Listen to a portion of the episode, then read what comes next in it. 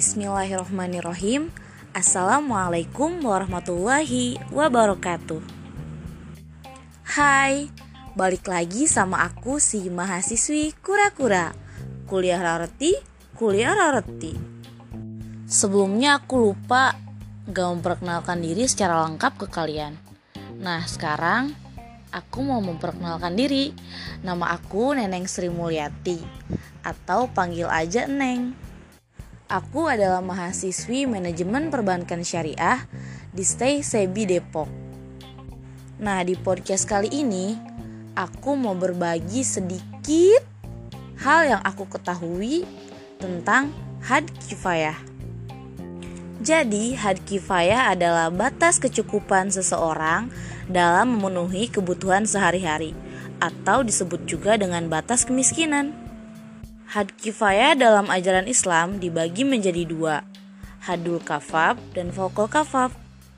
Hadul kafab adalah kebutuhan manusia yang sangat mendesak. Di antaranya sandang, pangan, papan, dan ibadah. Sedangkan fokul kafab terdapat pendidikan, kesehatan, juga transportasi. Perbedaan had kifayah dengan garis kemiskinan.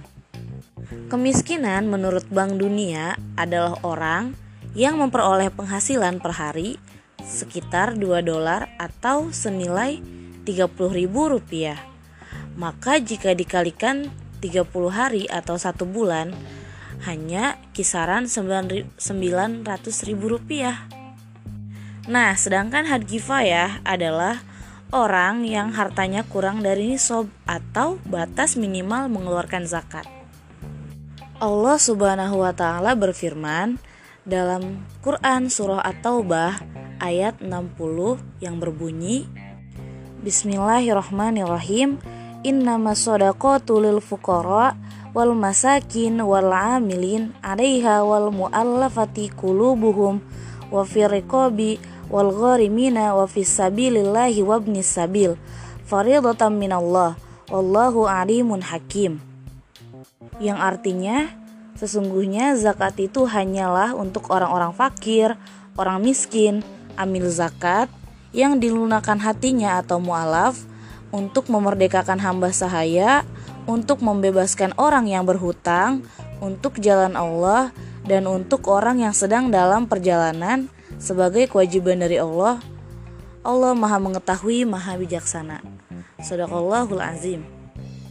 Nah, dari ayat tersebut kita dapat menyimpulkan bahwasanya ada delapan mustahik atau delapan orang-orang yang berhak menerima zakat. Sedangkan orang yang hidup dengan layak di atas had kifayah tercukupi sandang pangan papan, pendidikan, kesehatan, transportasi dan rekreasi itu tidak mendapatkan atau tidak berhak menerima zakat. Karena dalam buku Amil Zakat Nasional disebutkan bahwa had kifayah tidak ada unsur rekreasi. Dan orang-orang yang menerima zakat atau berhak adalah orang-orang yang hartanya kurang dari nisob. Nah, had kifayah juga disebut sebagai orang yang berada di atas garis kemiskinan dan di bawah KHL, yaitu hidup layak sebagai manusia. Jadi, had kifayah dapat disimpulkan sebagai orang yang dapat atau berhak menerima zakat. Nah, jadi gitu teman-teman. Hari ini segitu dulu dari aku. Kurang lebihnya mohon maaf. Semoga dapat bermanfaat. Billahi taufiq wal hidayah. Wassalamualaikum warahmatullahi wabarakatuh. Sampai jumpa di podcast selanjutnya.